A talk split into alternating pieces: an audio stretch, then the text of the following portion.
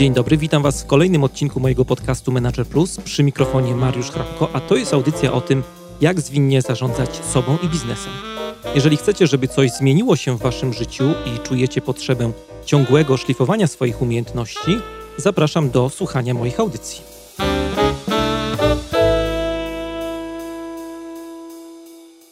Dzień dobry, dzień dobry. Dzisiaj odpoczywamy trochę od wywiadów, bo będzie audycja solo. E, opowiem Wam o tym, jak Scrum, jedna e, z najbardziej obecnie popularnych metod organizacji pracy zespołów, wpływa na ich efektywność.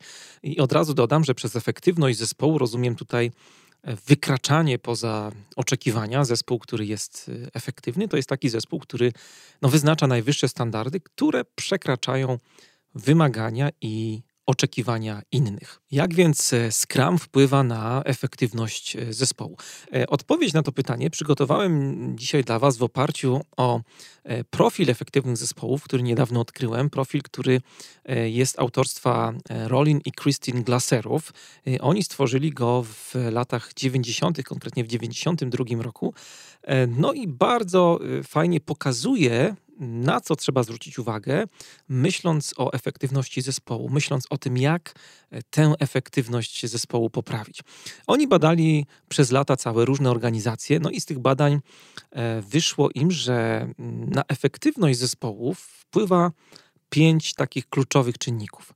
Jasno zdefiniowany cel to jest pierwszy, później role i odpowiedzialności, proces organizacji pracy, efektywna komunikacja wewnątrz zespołu i efektywna komunikacja e, z innymi zespołami, z otoczeniem. E, no, jak widzicie, to te elementy tak na pierwszy rzut oka wyglądają jak jakiś banał, ale jak im się tak bliżej przyjrzeć, to w wielu naszych zespołach niestety bardzo ich brakuje.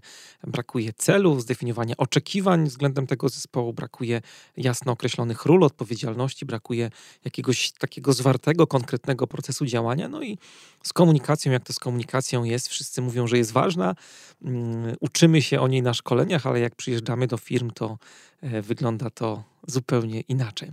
No i dzisiaj chciałem Wam pokazać, jak Scrum y, może Wam pomóc w zbudowaniu takiego efektywnego zespołu. No bo oczywiście możecie to robić po swojemu i wiele firm tak robi. Nie potrzebujecie do tego żadnych dodatkowych metod i narzędzi, no ale z drugiej strony jesteśmy tak skonstruowani, że y, no, lubimy różnego rodzaju gotowce. Ja to widzę też mm, po swoich klientach, że jak y, rozmawiamy, no to jak jest jakiś model, który można zastosować, to wszyscy bardzo chętnie z niego korzystają, bo przecież w ten sposób jest po prostu prościej, łatwiej, nie trzeba niczego wymyślać. No więc zaczynajmy. Jak Scrum wpływa na mm, efektywność e, zespołu? Dodam tutaj tak e, tytułem wstępu, zanim przejdziemy do tych punktów, bo e, wiem, że mm, grupa odbiorców tego podcastu jest bardzo różna, jeśli chodzi o świadomość Scruma i czym ta metoda jest. To tak krótko tylko powiem. Kiedyś też zadałem sobie takie ćwiczenie, żeby opisać Scruma w 100 słowach, więc podlinkuję Wam w materiałach do dzisiejszego odcinka mój wpis na blogu, gdzie ująłem całą definicję Scrama w zaledwie 100 słowach. Bardzo się przy tym namęczyłem, żeby taka definicja powstała, ale e, udało mi się. Skrupulatnie liczyłem każde, każde słowo, które się pojawiło w tej definicji, więc możecie sobie tam przeczytać. A tak na potrzeby dzisiejszego odcinka powiem, że Scrum jest e, metodą organizacji pracy zespołu, który pracuje nad rozwojem konkretnego produktu. I tutaj warto dodać, że tym produktem wcale nie musi być software, bo Scrum jest kojarzony cały czas z branżą informatyczną, ale produktem może być na przykład kampania marketingowa, może być mm, wypuszczenie jakiegoś odcinka, paradokumentu przez stację telewizyjną. W Stanach jest stacja radiowa, która używa Scrama do tego, żeby e, produkować, wytwarzać e, kolejne odcinki swojego programu i tak dalej, i tak dalej. Jest wiele różnych produktów. Ważne jest, żeby mieć świadomość takiego produktu, czym ten produkt jest i do ich wytworzenia, właśnie do tego, żeby zarządzać procesem wytworzenia tych produktów, możecie właśnie używać Scrama. W Scramie y, prace nad rozwojem takich produktów y, polegają na tym, że cały proces tworzenia dzieli się na takie krótkie odcinki czasu, y, zwane sprintami. Każdy taki sprint trwa kilka tygodni, maksymalnie może trwać miesiąc, i w kolejnych sprintach zespoły dostarczają kolejne tak zwane przyrosty tego produktu, a więc e, funkcjonalności, elementy produktu, wymagania, które są w danym momencie dla Was najbardziej wartościowe i je właśnie realizujecie. To tak tytułem wstępu tylko, bo oczywiście to było w bardzo telegraficznym skrócie, ale na potrzeby odcinka myślę, że wystarczy. Wracając do profilu efektywności zespołu i jak Scrum może nam w tym pomóc. E, pierwszym takim czynnikiem, który jest ważny, jeśli chodzi o pracę w sposób efektywny w zespole, to jest jasno zdefiniowany e, cel. Wiele różnych badań e, wskazuje, że najbardziej efektywne zespoły to są takie zespoły, w których właśnie jest bardzo konkretnie zdefiniowany cel działania i wszystkie swoje prace, zadania, które e, te zespoły realizują, kręcą się wokół tego celu. W Scrumie e, te cele definiowane są na dwóch poziomach, przynajmniej te poziomy są rozróżniane. Mamy cele zadaniowe i są cele wynikowe, czyli takie cele końcowe. To jest tak jak w sporcie, trochę w psychologii e, sportu. Cele wynikowe to jest taki cel ostateczny zespołu, cel, który wiąże się na przykład, mm, już tak odnosząc do projektów, właśnie z realizacją konkretnego punktu milowego w projekcie, no albo nawet całego projektu. To byłby cel e, wynikowym. Celem wynikowym może być dla zespołu na przykład wdrożenie produktu, może być e, tym celem także wdrożenie konkretnych funkcjonalności danego produktu. Jeżeli mówimy o takich produktach informatycznych, to konkretne funkcjonalności związane na przykład z aplikacją, którą rozwijamy. No inne przykłady celów to zostać liderem na rynku, jeśli chodzi o rozwiązania, które dostarczamy, zostać na przykład dyrektorem działu, czy zdobyć kluczowego klienta, wygrać mecz w sporcie i tak dalej, i tak dalej. To są cele takie właśnie nastawione na wynik. I przy celach wynikowych ważne jest to, że ich realizacja wymaga czasu. To są takie cele ostateczne. Ich realizacja mm, to nie jest takie hop tylko bardziej to są działania długofalowe. No i drugi poziom celów, które są bardzo ważne, jeśli chodzi o dochodzenie do tego celu wynikowego, to są cele zadaniowe. To są cele e, związane z realizacją już określonych czynności, właśnie zadań, ale w takiej perspektywie, e, powiedziałbym, krótkoterminowej. W Scrumie to jest e, realizacja celu konkretnego sprintu. Mówiłem Wam, że praca w tej metodzie polega na tym, że jakby cały proces rozwijania produktu, wytwarzania produktu jest podzielony na takie mm, małe części, które są określane sprintami. Każdy taki sprint, każda taka część ma swój cel. I cel sprintu jest takim typowo zadaniowym właśnie celem. Cel zadaniowy to jest cel, na który my jako zespół mamy bardzo duży wpływ i mamy też określone środki do tego, żeby e, mierzyć postęp realizacji takiego celu. No i przykładem w skramie takiego celu zadaniowego w sprincie może być wdrożenie określonego modułu raportowania naszej aplikacji albo e, zaimplementowanie określonych poprawek, które dotyczą bezpieczeństwa aplikacji. To jest taki cel krótkoterminowy, właśnie cel, który się wiąże z pracą e, w sprincie. Inne przykłady celów zadaniowych to na przykład mm, w miesiącu sprzedamy 100 książek albo do końca maja przebiegnę 1 kilometr w 4 minuty i 10 sekund. To są przykłady właśnie celów zadaniowych. I Scrum, w którym jest bardzo dużo analogii do sportu, jest dużo inspiracji sportem, chociażby te sprinty, które tutaj macie. Sama nazwa e, metody Scrum e, wzięła się od Scrumów w rugby, które tam występują. I tutaj w tej metodzie bardzo dużą wagę przykłada się do celów zadaniowych. To jest rzecz absolutnie świetna moim zdaniem, bo to z punktu widzenia właśnie pracy zespołu jest dużo, dużo korzystniejsze niż fokusowanie się tylko na takich celach typowo wynikowych. Wygrać mecz na przykład. Bardzo fajnie pisze o tym Paweł Habrat, którego miałem przyjemność gościć w podcaście Manager Plus. Jeżeli jeszcze nie mieliście okazji posłuchać tego odcinka, to w materiałach do dzisiejszej audycji na pewno znajdziecie link. I on w książce, którą napisał wspólnie z Jerzym Dudkiem, naszym e, bramkarzem czołowym, e, książce, która ma tytuł Pod presją, E, napisał, e, że cele zadaniowe to jest pewnego rodzaju taka instrukcja. To są takie, można powiedzieć, instrukcje, które mówią nam, co należy wykonać, co trzeba zrobić, żeby osiągnąć konkretny wynik. I dzięki koncentracji na tych zadaniach, skupianiu się na tych małych krokach, zawodnik sportowy skupia się na tym, e, co jest ważne z punktu widzenia wyniku te rzeczy, cele wynikowe i cele zadaniowe są ze sobą e, powiązane dość mocno. Natomiast skupianie się na celach zadaniowych jest bardzo pozytywne, bardzo e, korzystne z punktu widzenia osiągania wyniku. No i w Scrumie jest podobnie. Cele sprintu zespołu przybliżają nas do właśnie realizacji zamierzonego wyniku. Tym wynikiem może być e, właśnie cel projektu, mogą być konkretne cele biznesowe, które chcemy zrealizować, czyli mówimy o konkretnych celach właśnie wynikowych tutaj.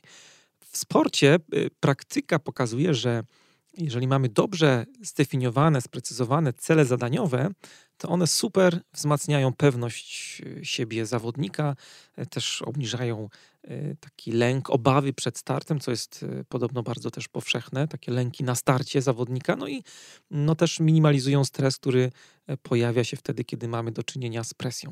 No to wszystko przekłada się na zespół. Bardzo Wam polecam tę książkę w ogóle jako lekturę e, pod presją. Jest bardzo przyjemnie napisana i e, każdy rozdział, każdy temat, który się tam pojawia, na przykład presja czy budowanie pewności siebie, no jest poprzedzone e, właśnie tekstem psychologa sportu, którym jest Paweł Habrat i konkretnymi przykładami z życia Jerzego Dudka. To było tyle, jeśli chodzi o definiowanie celów i tego, jak cele wpływają na efektywność zespołu. Teraz przejdźmy do y, drugiego parametru, który jest ważny tutaj, mianowicie jasno zdefiniowane role i odpowiedzialności. E, to jest kolejny element, który wpływa na e, efektywność pracy w zespole. I w skramie jest tak, że to warto tutaj dość mocno powiedzieć, chciałem tutaj to mocno powiedzieć, że to jest metoda, która opiera się na pracy zespołowej. To znaczy od zespołu tutaj dużo zależy. Jeżeli nie będziecie pracować zespołowo, jeżeli nie zbudujecie zespołu, to tak naprawdę sukces e, pracy w tej metodzie będzie e, bardzo słaby. Zespół jest kluczem. Zespół, e, który ma właśnie jasno zdefiniowane role. Zanim wam trochę więcej powiem o tych rolach skramowych, to zatrzymam się na moment na temacie w ogóle samego zespołu, zespołowości. Co to jest zespół? Pytanie znowu bardzo banalne, prawda? Y, ale jednak, jak y, tak na chwilę się przy nim zatrzymamy, zaczniemy myśleć o tym, czym jest zespół, to ja na przykład, moje doświadczenia pracy w firmach są takie, że pojęcie zespołu w organizacjach jest no, nagminnie nadużywane. W wielu wypadkach, na przykład zespół projektowy wcale nie jest żadnym zespołem, a mimo to na spotkaniach w takim obiegowym języku mówimy, że zarządzamy zespołem, że mamy zespół, że pracujemy zespołowo i tak dalej, i tak dalej. I tak naprawdę w wielu wypadkach e, ten zespół projektowy wcale nie jest żadnym zespołem. I to nieporozumienie e, bardzo często rodzi wiele problemów, bo e, wielu project managerów czy szefów zarządza zespołami, których tak naprawdę nie ma. Czym jest w takim razie zespół? Zespół to jest pewien system, którego działanie e, bardzo mocno konstytuuje cel. I co jest ważne, ten cel e, jest współzależny.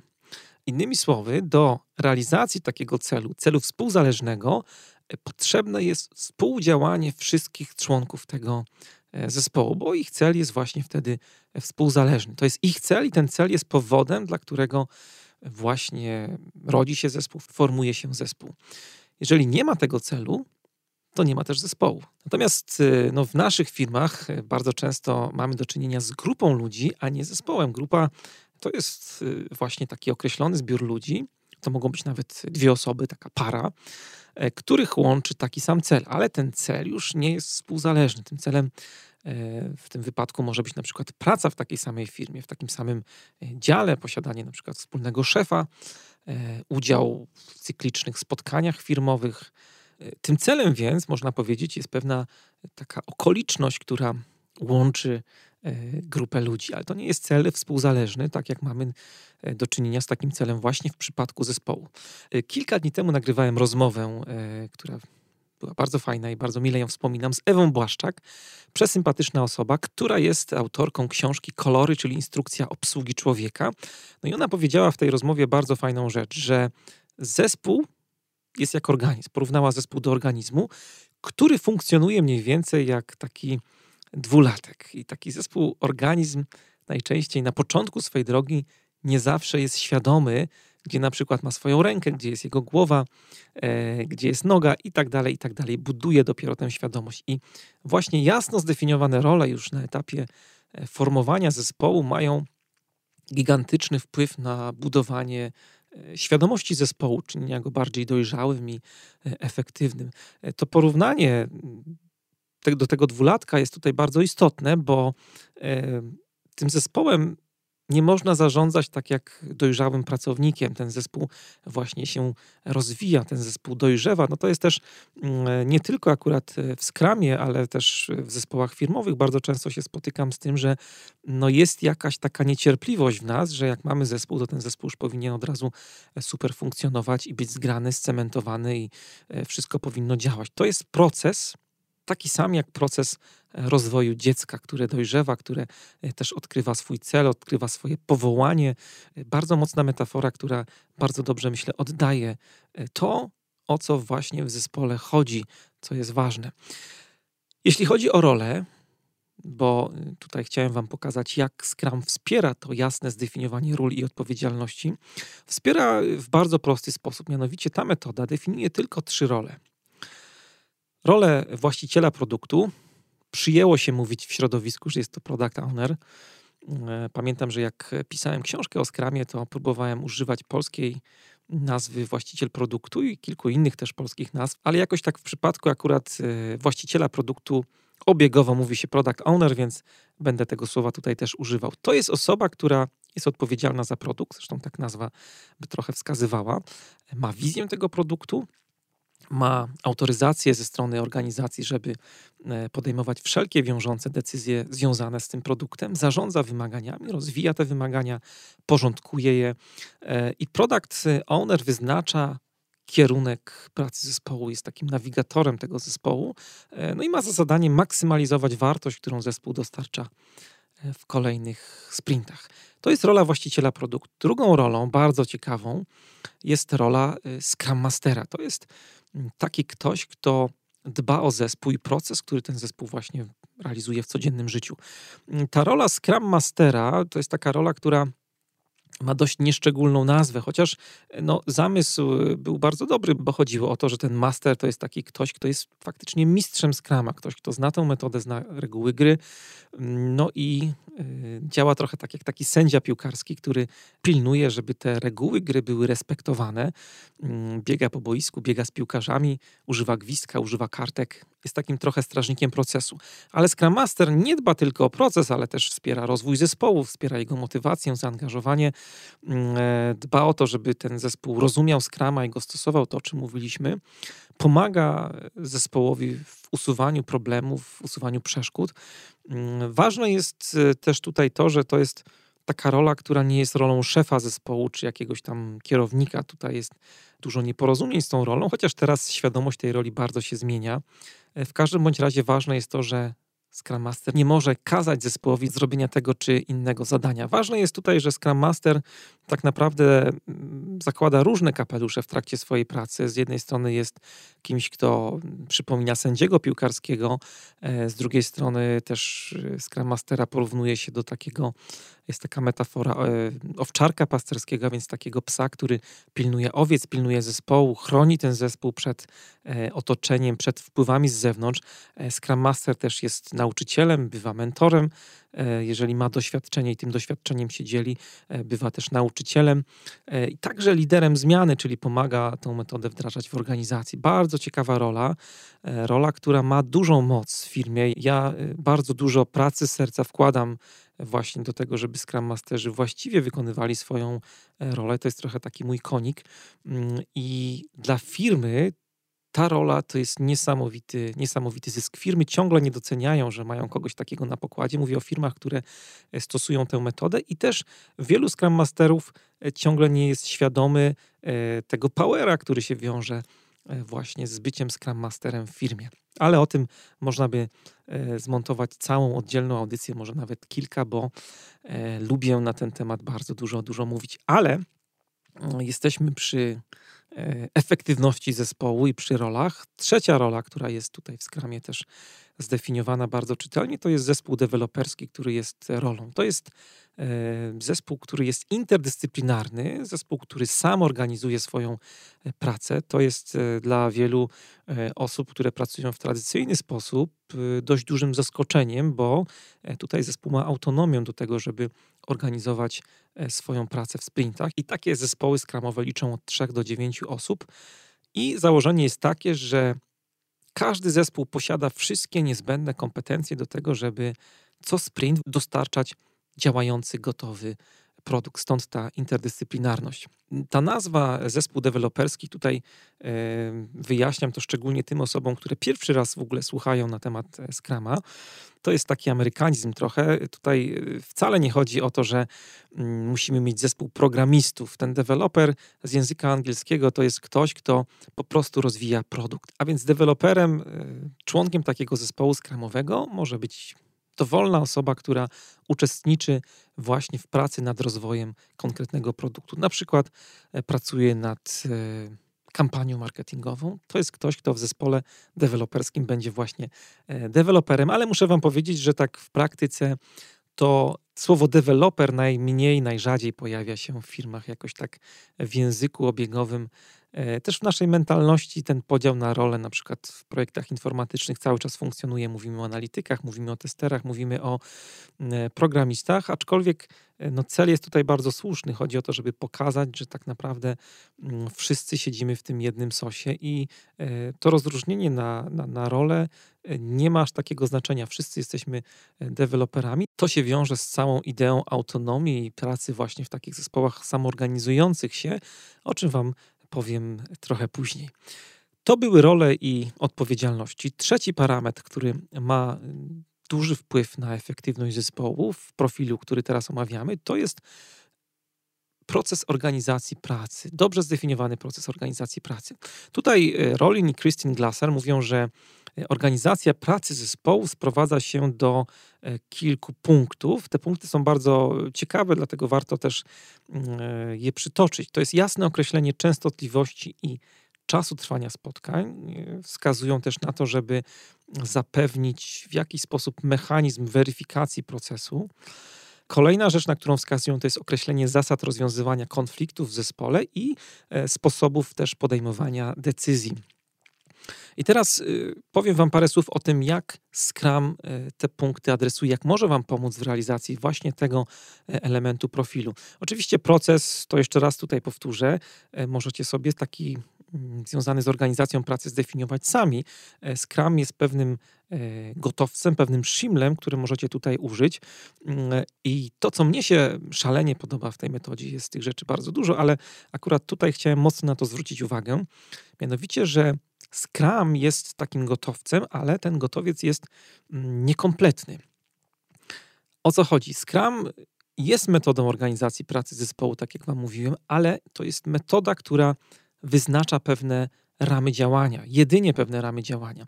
E, mówimy z angielskiego, że Scrum jest e, takim frameworkiem, e, bo Wiele osób, jak mówi o tej metodzie, to mówi o niej jak metodyce. To, to nie jest metodyka. Scrum nie daje wam e, przepisu, konkretnej recepty na to, jak e, rozwijać produkt, tylko e, tworzy pewne sytuacje graniczne, pewne ramy, które mm, porządkują wasze działanie właśnie w zespole. I tutaj, żeby to trochę jakoś tak jaśniej wytłumaczyć, znowu posłużę się analogią do sportu. E, praca w skramie przypomina trochę grę w piłkę nożną.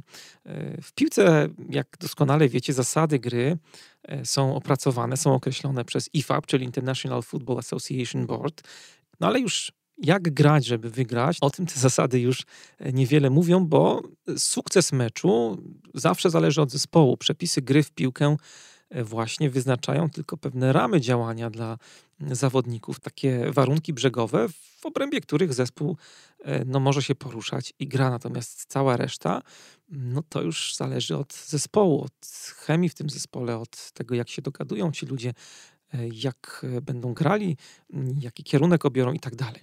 I te ramy, o których teraz tutaj mówimy, wcale nie oznaczają, że Scrum jest taki e, znowu ogólny i pozbawiony dyscypliny, bo to też może wam się z czymś takim kojarzyć. Powiedziałbym wręcz przeciwnie. Wiele osób, z którymi mam do czynienia, jak wdrażam tę metodę w firmach, jak robimy różnego rodzaju podsumowania tego projektu wdrożeniowego, mówi, wow, to jest metoda, która mm, takim największym moim zaskoczeniem jest to, że e, właśnie myślałem, że ten Scrum to jest taki luźny, że tam właśnie mamy framework, że są jakieś pewne mm, e, granice powyznaczane i możemy dużo rzeczy robić sami, niezależnie, autonomicznie, no ale ta metoda wprowadza jednak dużą dozę e, dyscypliny. Te ramy bardzo konkretnie, tak jak już mówiliśmy, określają role zespołowe, określają odpowiedzialności e, i bardzo konkretnie mówią, jakie spotkania, jakie zdarzenia są potrzebne do tego, żeby ten produkt z sukcesem wytwarzać. Mówią, ile te spotkania powinny trwać i także określają pewne artefakty, e, które powstają w wyniku stosowania tego e, procesu rozwoju produktu. Jeśli chodzi więc o spotkania, bo to jest element, na który glaserowie tutaj zwrócili uwagę, to w Scrumie mamy cztery takie spotkania, które nazywane są e, zdarzeniami od angielskiego słowa event, chociaż już ten event e, też funkcjonuje w polskim języku e, bardzo często. Warto tutaj dodać, że mm, każde takie spotkanie właśnie z którym mamy do czynienia w Scrumie, ma bardzo precyzyjnie określone ramy czasowe. To jest ten kolejny element, na który glaserowie zwracali uwagę, że proces organizacji pracy to, to jest określenie, jakich spotkań potrzebujemy, ile ich powinno być i jak długo te spotkania powinny trwać, ile powinniśmy czasu na nie przeznaczać. No i dokładnie tutaj, e, jeśli chodzi o Scrama, jest to bardzo precyzyjnie e, odzwierciedlone. Mamy cztery spotkania, które są właśnie we frameworku Scrumowym.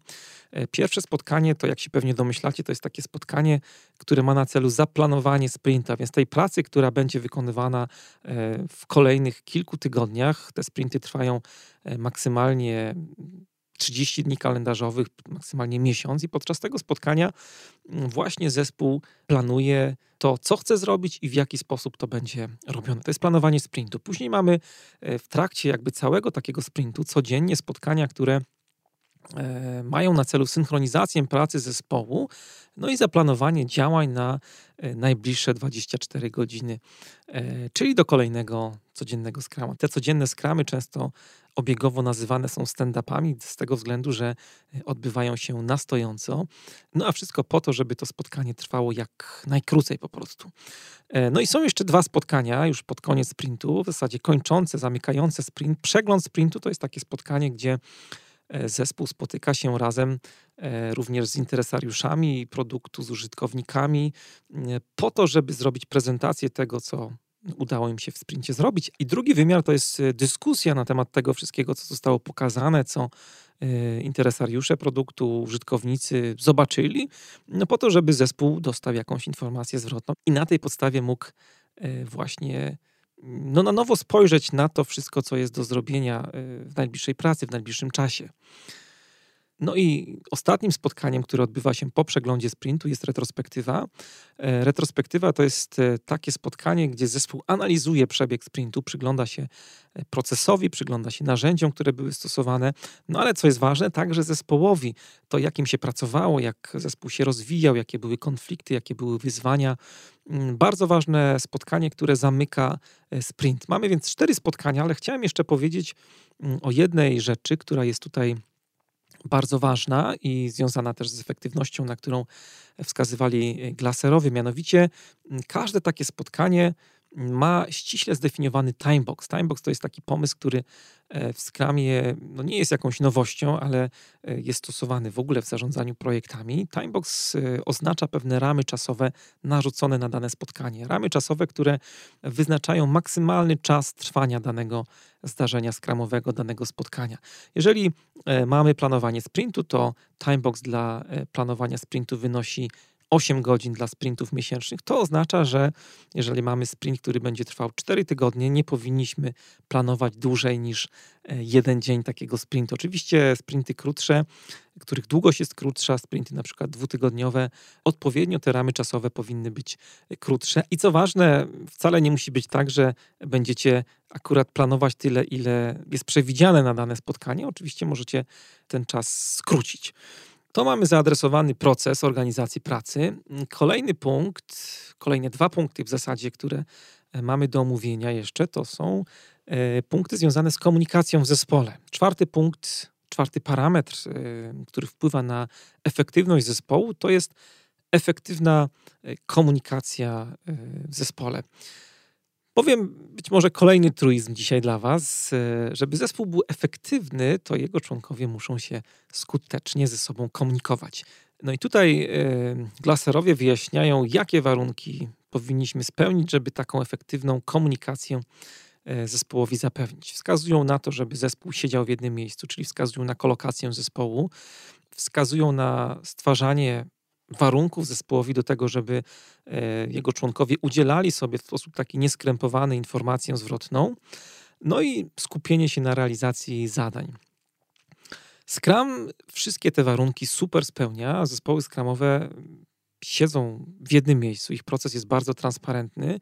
E, podczas e, przeglądów sprintu jest dyskusja, jest e, udzielanie sobie informacji zwrotnej, o czym już mówiliśmy na temat rozwoju produktu, ale też jest moment retrospektywy na koniec sprintu, podczas której jest również miejsce na sprzężenie zwrotne i mm, nie tylko tutaj na temat, tak jak mówiłem wcześniej, samego procesu organizacji pracy, ale też samego funkcjonowania zespołu, ludzi w zespole i tak dalej, i tak dalej. Jest silny fokus, mm, to też mówiliśmy, na realizację celów sprintu, no i zadań. Cały proces mm, jest przejrzysty i to e, w efekcie sprzyja e, niesamowicie komunikacji zespołu. I poza tym też jest rola Scrum Mastera, który oprócz tego, że czuwa nad procesem, jest e, mentorem zespołu, jest facylitatorem, zakłada też czapkę nauczyciela i coacha. Jedną z jego odpowiedzialności jest właśnie troska o właściwą komunikację zespołu. No i punkt piąty. Punkt piąty to e, efektywna komunikacja z innymi zespołami. To jest ostatni parametr, na który e, glaserowie wskazują. I mm, co ciekawe, w pierwotnym profilu, który powstał na początku właśnie lat 90., to tego punktu nie było. E, on został dołożony po kolejnych badaniach, kolejnych obserwacjach i pracy z organizacjami. W wyniku tych badań Rolin i Christine doszli do wniosku, że e, właśnie komunikacja nie tylko w środku zespołu, ale komunikacja e, z otoczeniem zewnętrznym jest szalenie ważna i ma duży wpływ na efektywność zespołu, szczególnie w takich e, czasach jak dzisiejsze, które są bardzo turbulentne, pełne pełne zmian. Mm, a więc y, no, pojawił się kolejny element, zapewnienie odpowiednich relacji z otoczeniem, z innymi zespołami. Tutaj, jeśli chodzi o Scrama, to sama ta metoda y, nic nie mówi na ten temat. Y, natomiast no, musicie tutaj pamiętać o tym, że na początku, jak e, ta metoda powstawała, to mimo już była to końcówka lat 90., a więc prawie 20 e, lat temu, to mimo wszystko czasy były trochę inne. I tak naprawdę ten temat nie był wtedy jeszcze na celowniku. Teraz to wygląda zupełnie inaczej. Na podstawie swoich doświadczeń mogę Wam powiedzieć, że no, ten punkt y, budowania właściwych relacji z otoczeniem, właściwej komunikacji z otoczeniem zespołu skramowego, czy w ogóle zespołu jest y, no, bardzo ważny. W Polsce można powiedzieć, że y, od 2010 roku Scrum zaczął tak dość mocno wdzierać się na salony korporacyjne duże organizacje zaczęły używać tej metody organizacje, gdzie jest mnóstwo zależności. Zespoły to jest taki jeden wielki networking, to są relacje sieciowe bardzo mocno, mimo że mamy e, taką e, wciąż w wielu firmach, dużych organizacjach strukturę hierarchiczną, to jednak jak sobie popatrzycie na to, jak się toczy życie w tych firmach, to to jednak jest relacja mocno sieciowa. Tam się toczą duże projekty, nierzadko są ich setki, jest bardzo dużo zależności. No i nie da się być efektywnym, E, zamykając się zupełnie na otoczenie zewnętrzne, na inne zespoły. Poza tym też e, dochodzi też kwestia dostawców zewnętrznych, których jest teraz mnóstwo, wiele firm korzysta e, z rozwiązań zewnętrznych i tak dalej, i tak dalej. Nie da się zamknąć w takiej monadzie bez drzwi i okien. Jeśli chodzi o Scrama, to właśnie w przeciągu kilku ostatnich lat ten temat jest adresowany bardzo mocno za pomocą e, tak zwanych modeli skalowania Scrama, modeli, które właśnie próbują adresować ten problem i pokazują, jak e, rozwijać produkty właśnie z kilkoma, kilkunastoma e, zespołami naraz, a czasem nawet i więcej. Pokazują, jak te relacje, jak tą komunikację kształtować mm, z otoczeniem zewnętrznym. Ale i tak, mimo wszystko, jest to duże wyzwanie. Komunikacja z całym tym kompleksowym ekosystemem, z którym mamy do czynienia w naszych firmach, Mm, z innymi działami, z innymi rolami. Y, to jest bardzo, bardzo złożony świat, z którym komunikacja cały czas wymaga e, doskonalenia. Ja ze swoimi klientami e, najczęściej tutaj podchodzę do tego na zasadzie empirycznej. Zresztą empiryzm jest wbudowany w Scrama. To jest taka filozofia, która zakłada, że całą naszą wiedzę budujemy na podstawie doświadczenia, bo no, organizacja, podobnie jak używaliśmy wcześniej przykładu z organizmem w kontekście zespołu, ten, ta metafora organizmu E, super pasuje też do organizacji. Mm, ja bardzo często wracam sobie do e, słów, które powiedział kiedyś Chris Avery, e, który jest takim ekspertem od myślenia systemowego. On powiedział, że tak naprawdę my nigdy nie możemy sterować tym żywym systemem. Mówię tutaj mm, odnosząc to do konkretnie firmy, do organizacji. My co najwyżej możemy temu systemowi przeszkadzać, możemy go e, obserwować i sprawdzać, jak on się zachowuje, bo tak naprawdę nie znamy koniec końców wszystkich sił, które e, właśnie tworzą nasze organizacje, które chcielibyśmy zmienić. Możemy co najwyżej tylko tak szczypać tę firmę naszą, możemy e, tak eksperymentować z tą siłą, która jest w naszej organizacji. I empiryzm bardzo fajnie się tutaj sprawdza. Dobra, mamy pięć punktów. Ja chyba nie byłbym sobą, gdybym czegoś jeszcze do tego modelu nie dołożył. No oczywiście dołożę. Y, tutaj posłużę się inspiracją e, z książki mm, Daniela Pinka, książki, która jest lekturą obowiązkową każdego słuchacza podcastu Manager Plus. Tytuł książki to Drive, no i w całości poświęcona jest tematowi motywacji ludzi. Daniel Pink mówi, że dzisiaj to takie streszczenie w jednym zdaniu tego, o czym jest ta książka pracowników motywują trzy rzeczy: cel, autonomia i trzecia rzecz dążenie do mistrzostwa. No i cel profilu efektywnych zespołów jest zawarty, jak słyszeliście, to jest punkt numer pierwszy. Cele wynikowe i cele zadaniowe, o tym mówiliśmy w kontekście Scrama też.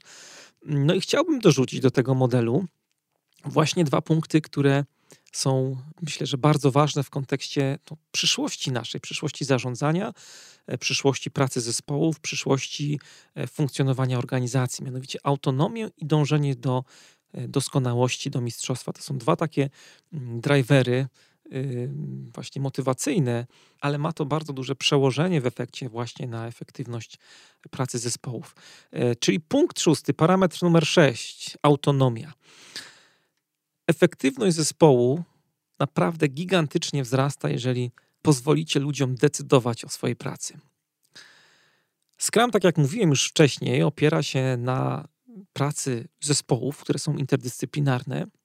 Mamy różne specjalizacje w tym zespole, które e, są potrzebne do tego, żeby wytworzyć produkt, ale są to też zespoły, które same organizują swoją pracę w sprintach. Mają tutaj mandat organizacji do tego, żeby robić to w sposób autonomiczny.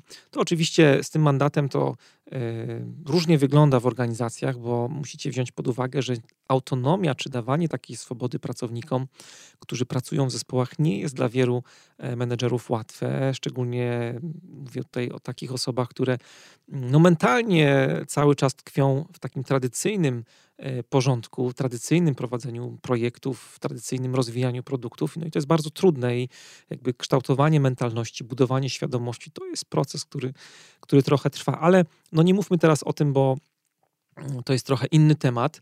Ten parametr, autonomia zespołu, e, dlatego ma taki duży wpływ i dlatego ją tutaj dodaję jako kolejny parametr efektywnych zespołów, bo ludzie mają poczucie, że faktycznie wpływają na swoją pracę. No i za tym idzie też większa odpowiedzialność za produkt. To jest niesamowite, że jak dacie ludziom swobodę, jak dacie im możliwość samoorganizacji wokół tego, jak ten produkt będą rozwijać, właściciel produktu mówi, co trzeba zrobić, czyli mówi o pewnej wizji, którą chciałby zrealizować, ale już to, jak ta wizja będzie realizowana, no to jest po stronie, po stronie zespołu, w kontekście, mówię tutaj, zespołów skramowych akurat. Wtedy wzrasta odpowiedzialność y, zespołu za produkt, ale ludzie się bardziej angażują, e, mogą też e, tym samym rozwijać, pielęgnować swoje takie osobiste dążenia do tego, żeby być mistrzami w tym, co robią, dążyć do mm, osobistego mistrzostwa, o czym powiem Wam za chwilę. I w takim zespole e, wszyscy członkowie są zobowiązani do tego, żeby e, zrobić coś z problemem, który się pojawia na horyzoncie sprintu, nawet kiedy ten problem czy jego rozwiązanie bardzo mocno wykracza poza e, zakres roli pracownika czy jego kompetencji. To jest rzecz zupełnie niesamowita i też mentalnie dla wielu osób trudna do uchwycenia, że takie dojrzałe zespoły skramowe, które mają autonomię, które same organizują swoją pracę, e, to są takie zespoły, które w pewnym momencie ci ludzie zaczynają wychodzić ze swojej roli, wychodzić ze specjalizacji po to, żeby pomóc innej osobie w zespole, żeby zwiększyć przepustowość pracy, czyli tak naprawdę, żeby zrealizować e, cel sprintu, bo gdyby nie pomogły, gdyby nie wyszli ze swojej roli, to prawdopodobnie tego celu nie dałoby się zrealizować. To jest e, absolutna magia i jak widzę takie zespoły, bo to oczywiście nie zawsze jest tak, że e, już w pierwszych sprintach zobaczycie mm, taki efekt e, właśnie wychodzenia z roli, wychodzenia ze swojej specjalizacji, ale z czasem, jak zespół dojrzewa i mm, wchodzi w kolejną fazę swojego rozwoju, no to muszę Wam powiedzieć, że jest to naprawdę coś, co bardzo, bardzo cieszy e, oko. Jak opowiadam o temacie samoorganizacji zespołu skramowego ludziom na różnych szkoleniach czy warsztatach, to e, jak bumerang wraca do mnie pytanie, no dobrze, a co powstrzymuje takie zespoły, które no nie mają presji szefa, nie mają presji kierownika, co je powstrzymuje od tego, żeby nie pracować i po prostu olewać system? No faktycznie jest takie zagrożenie, jest takie ryzyko w takich systemach samoorganizujących się, ale e, no musicie wiedzieć, że tym czymś, co zapobiega takiej sytuacji, że zespół popada w jakieś takie samozadowolenie, samouwielbienie i przestaje w ogóle e, no, zwracać uwagę na cele sprintu, na cele e, projektu, jest motywacja, która wynika właśnie nie z presji szefa, kierownika, ale jest to motywacja, która wynika z presji kolegów, i koleżanek w zespole, bo zdecydowanie łatwiej jest powiedzieć swojemu szefowi, że się czegoś nie zrobiło, niż Tomkowi czy Kasi, z którymi pracujemy w zespole, popatrzeć im e, prosto w twarz na stand-upie i powiedzieć: No, wczoraj tak naprawdę no, nic nie zrobiłem. Ta motywacja e, kolegów, koleżanek zespołu jest bardzo silna, bardzo e, mocno działa na pracowników. I tutaj warto zwrócić też uwagę jeszcze na, jeden, na jedną rzecz, e, mówiąc o autonomii zespołu. Ta autonomia może mieć e, wiele aspektów, bo w Skramie tutaj tak naprawdę, mówiąc o samoorganizacji zespołu, to myślimy głównie o takim poziomie pracy z zadaniami w sprintach. Oczywiście są firmy, które próbują to trochę rozszerzać, ale generalnie ta samoorganizacja skupia się na poziomie zadań, bo zespoły same określają mm, sobie to, nad jakimi zadaniami będą pracować w sprincie, e, w jaki sposób będą realizować ten cel sprintu. Nikt im nie przypisuje zadań, tak jak mm, to wygląda w takich tradycyjnych e, podejściach do pracy w projektach. Ludzie przypisują się sami do tych zadań, sami też śledzą postęp w pracy w sprintach. No są takimi menedżerami samych siebie, mają narzędzia w postaci tablicy skramowej, analogowej bądź elektronicznej, korzystają z wykresu spalania pracy, e, pomagają sobie przy zadaniach, to co wam mówiłem już, że przekraczają swoje specjalizacje bardzo często. E, I to jest taka autonomia e, zorientowana właśnie na zadania, e, ale trzeba pamiętać, że ta autonomia może dotyczyć też innych aspektów pracy w zespole. Zwrócił na to kiedyś uwagę Tony Shee, CEO firmy Zapos. Część z Was na pewno słyszała o firmie Zapos przy okazji firm turkusowych. To jest w ogóle firma, która wypłynęła dzięki holakracji. To jest takie narzędzie, które właśnie kojarzone jest z firmami turkusowymi. O tej firmie zrobiło się głośno, bo potężna, zatrudnia blisko 1800 pracowników. I oni się zdecydowali właśnie na wdrożenie takiej partycypacyjnej idei zarządzania. I Tony Shee powiedział, że wiele badań wskazuje na to, że ta świadomość posiadania kontroli nad czymś e, no jest bardzo ważne dla nas jako ludzi, jest istotną składową e, w zasadzie szczęścia człowieka. E, natomiast już to, nad czym każdy z nas chce mieć kontrolę, no to już jest rzecz bardzo indywidualna i dla różnych ludzi może być ten przedmiot kontroli może być bardzo różny. E, no i no nie ma tak naprawdę jednego modelu, jednego takiego aspektu autonomii, który byłby najważniejszy. E, Scrum, tak jak e, Wam mówiłem już dzisiaj kilka razy, stawia na pracę zespołową w kontekście naszej pracy nad rozwojem produktu, realizacją projektów. Ta autonomia, nazwijmy ją zadaniową, jest szczególnie ważna, ale no musicie też pamiętać, w ogóle o pracy zespołów, jak mówimy o efektywnych zespołach, że różne osoby w naszych firmach mają y, bardzo różne pragnienia, różne potrzeby i najlepszą taką strategią dla budowania autonomii w przypadku konkretnych pracowników jest y, no, zorientowanie się, co jest ważne dla każdego takiego pojedynczego pracownika w firmie, czyli koniec końców poznanie jego wartości. E, w podcaście Manager Plus przy wywiadach, które prowadzę, ten temat się przewija, dużo, mm, dużo o nim mówiliśmy. Ostatnio też, mm, jak e, była publikacja odcinka, gdzie rozmawiałem z Jakubem Bączkiem, to ten temat też się pojawił. Mówiliśmy o tym, że tak naprawdę o wartościach no jakoś tak niechętnie mówimy w firmach. Jesteśmy mm, zabiegani, szefowie nie mają czasu od spotkania do spotkania. Natomiast to, co jest dla nas ważne, co jest ważne dla pracowników, co jest ważne dla zespołów, to gdzieś tam jest mm, zamiatane pod dywan i mm, ciągle przesuwane są te rozmowy gdzieś tam na lepsze, odległe czasy i tak naprawdę te takie istotne elementy, które tworzą rdzeń e, tego, kim jesteśmy w pracy, tego, jak pracujemy w zespole, gdzieś tam są pomijane. A szkoda, bo są to rzeczy bardzo, bardzo ważne i pomagają też odkryć aspekty, które dla e, waszych pracowników są e, istotne. Siódmy, ostatni punkt to jest dążenie do mistrzostwa. Mistrzostwo, czyli pragnienie, żeby być coraz lepszym czymś, co ma dla nas znaczenie. I to ten ostatni punkt dodałem go jako element efektywnego zespołu, bo on ma duży związek z autonomią, o której mówiliśmy przed chwilą. Autonomia jest mm, przeciwieństwem kontroli.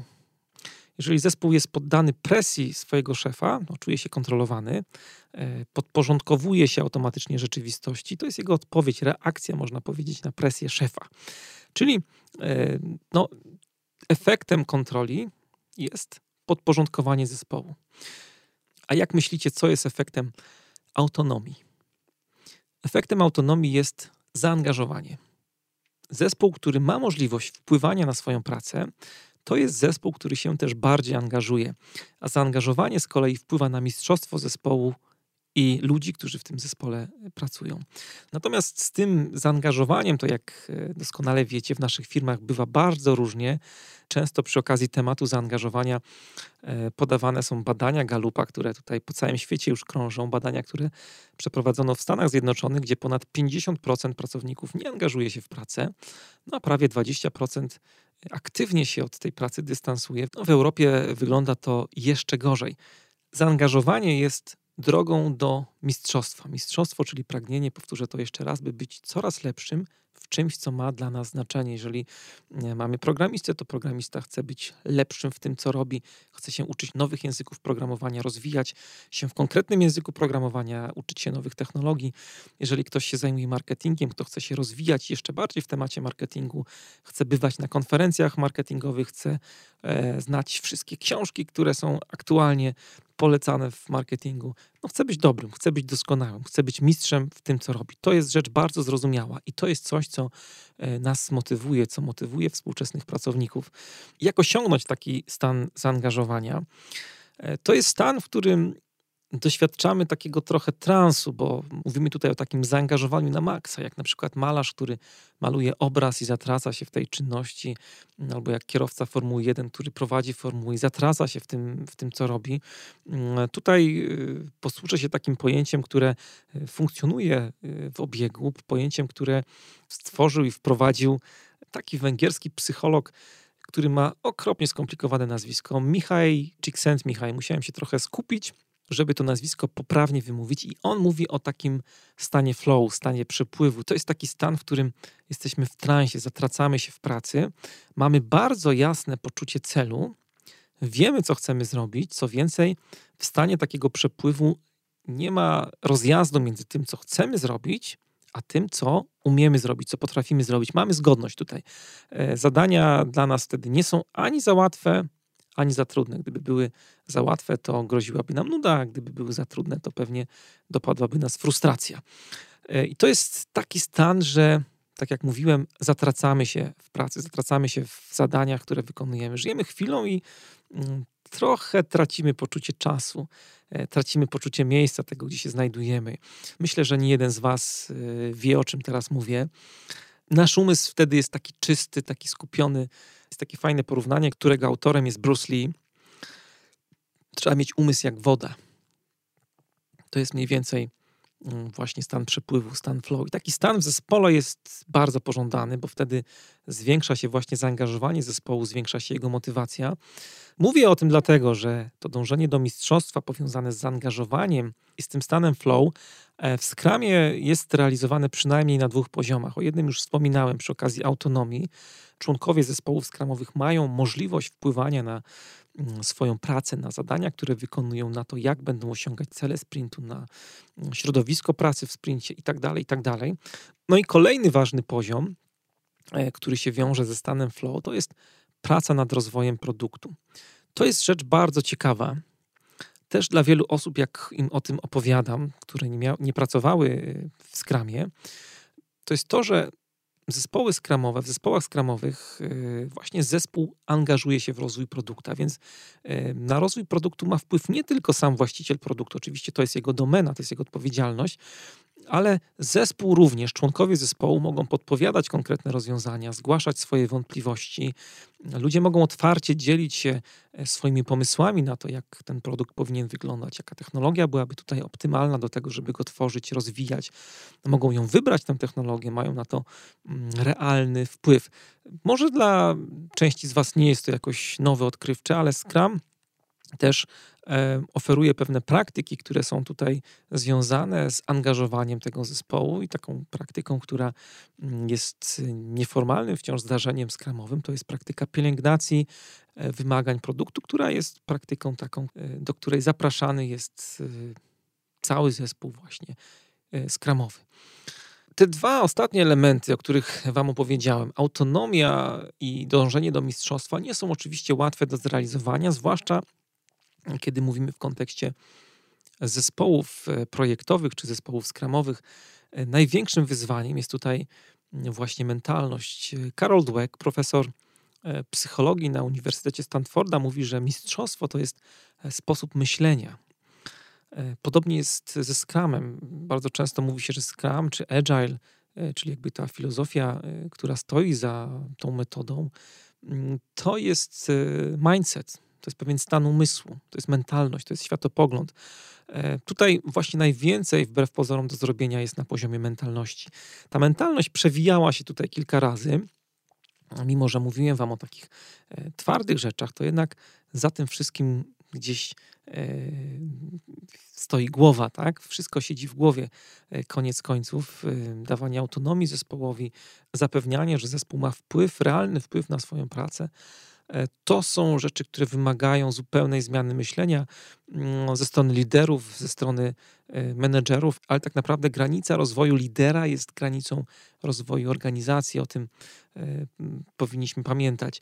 To nie są rzeczy, które możecie tak mm, od razu osiągnąć. To jest pewien cel, do którego cały czas będziecie zmierzać, cały czas się na niego nakierowywać.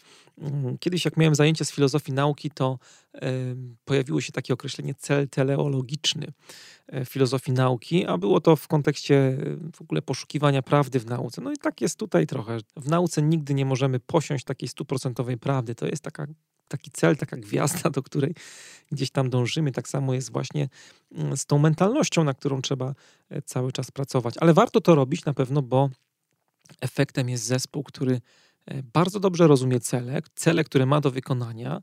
E, wyzwania są dobrze dopasowane do poziomu kompetencji ludzi w zespole. E, zespół się cały czas uczy, bo jest ciągła informacja zwrotna. No a wtedy praca nie tylko jest fajna, przyjemna, ale też bardziej się do niej przykładamy. No i to jest wszystko, co dzisiaj chciałem Wam powiedzieć. Patrzę na zegarek i miało być krótko, ale się jakoś tak rozgadałem. E, było dużo fajnych rzeczy do opowiedzenia. Mam nadzieję, że e, skorzystacie dużo dla siebie z tego, co Wam tutaj mówiłem. E, mam jeszcze krótkiego newsa, kończąc już dzisiejszą audycję.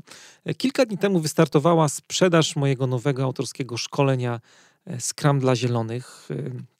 Scrum jest taką metodą, która, tak jak Wam dzisiaj mówiłem, jest metodą, która przyszła z branży informatycznej, ale można ją z powodzeniem stosować także w innych firmach. To nie muszą być firmy IT i właśnie to szkolenie jest dedykowane przede wszystkim dla osób nietechnicznych, dla pracowników działów HR, dla pracowników działów sprzedaży, marketingu, administracji, yy, organizacji pozarządowych oraz wszystkich, którzy chcą zgłębić tajniki pracy w tej metodzie. Oczywiście, jeżeli ktoś się pojawi na tym szkoleniu i mm, jest, nie wiem, z firmy IT, a nigdy nie słyszał o Scrumie, to też bardzo, bardzo zapraszam.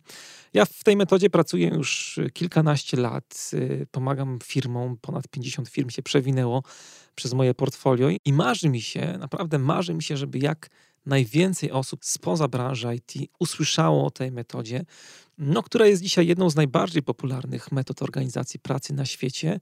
No i żeby te osoby tę metodę w swoich zespołach zaczęły stosować. Szkolenie Scrum y, dla zielonych jest takim jednym małym krokiem do spełnienia tego marzenia, ale jak e, mówi Konfucjusz, podróż tysiąca mil zaczyna się od tego jednego kroku właśnie. E, sprzedaż szkolenia potrwa e, jeszcze tylko przez kilka dni. Sklepik zamykamy 25 marca, a data szkolenia to 16 kwietnia. Spotykamy się w hotelu Radisson e, w centrum Starego Krakowa. Miejsce jest przepiękne, tuż obok krakowskich plant. Po szkoleniu więc jest okazja do fajnego spaceru no i odwiedzenia Starego Rynku. Z hotelu będziecie mieli rzut beretem do tego miejsca. Szkolenie jest jednodniowe, mniej więcej przez połowę dnia zaplanowałem, że będę Wam opowiadał o Scrumie, opowiem Wam o tym, skąd ta metoda się wzięła, czym różni się od tradycyjnych y, metod, które stosujemy w naszych projektach.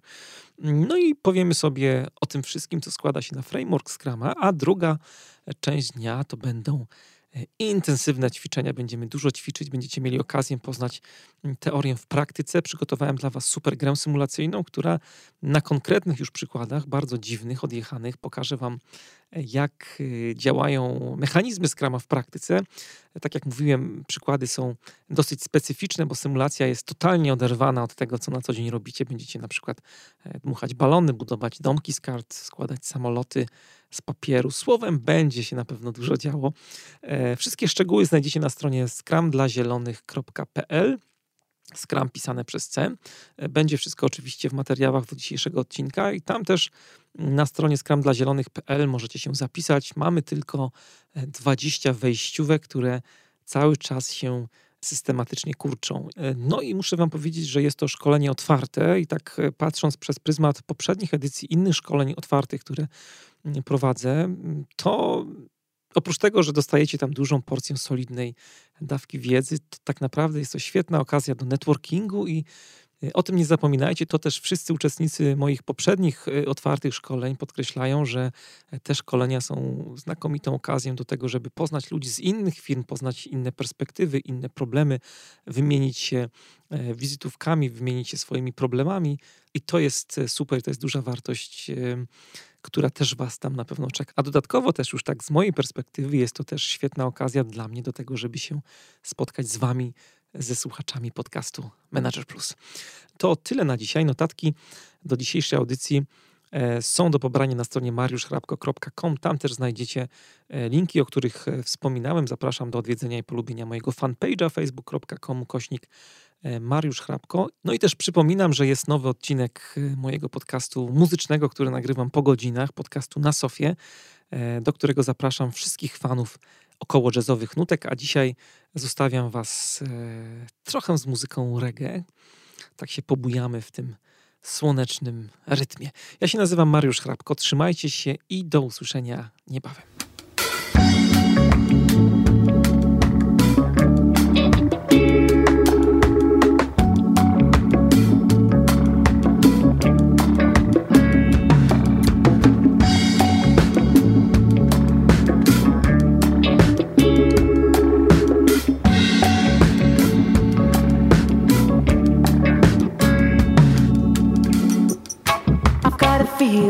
sunrise.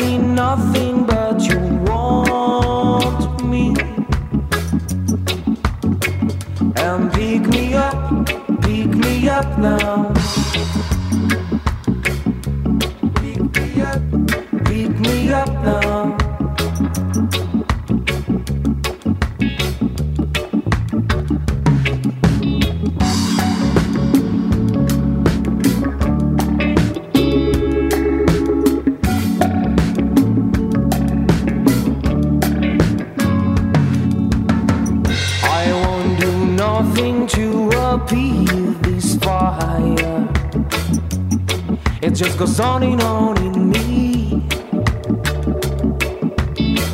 I cannot do nothing but hug you harder. I know that's all you want of me. And now you tell me with your burning heart not to say nothing, but to hold you tight. The night, the night, yeah. Hold you tight, and now you tell me, don't say nothing but kiss me. Till I wanna make love. Don't tell me nothing but you want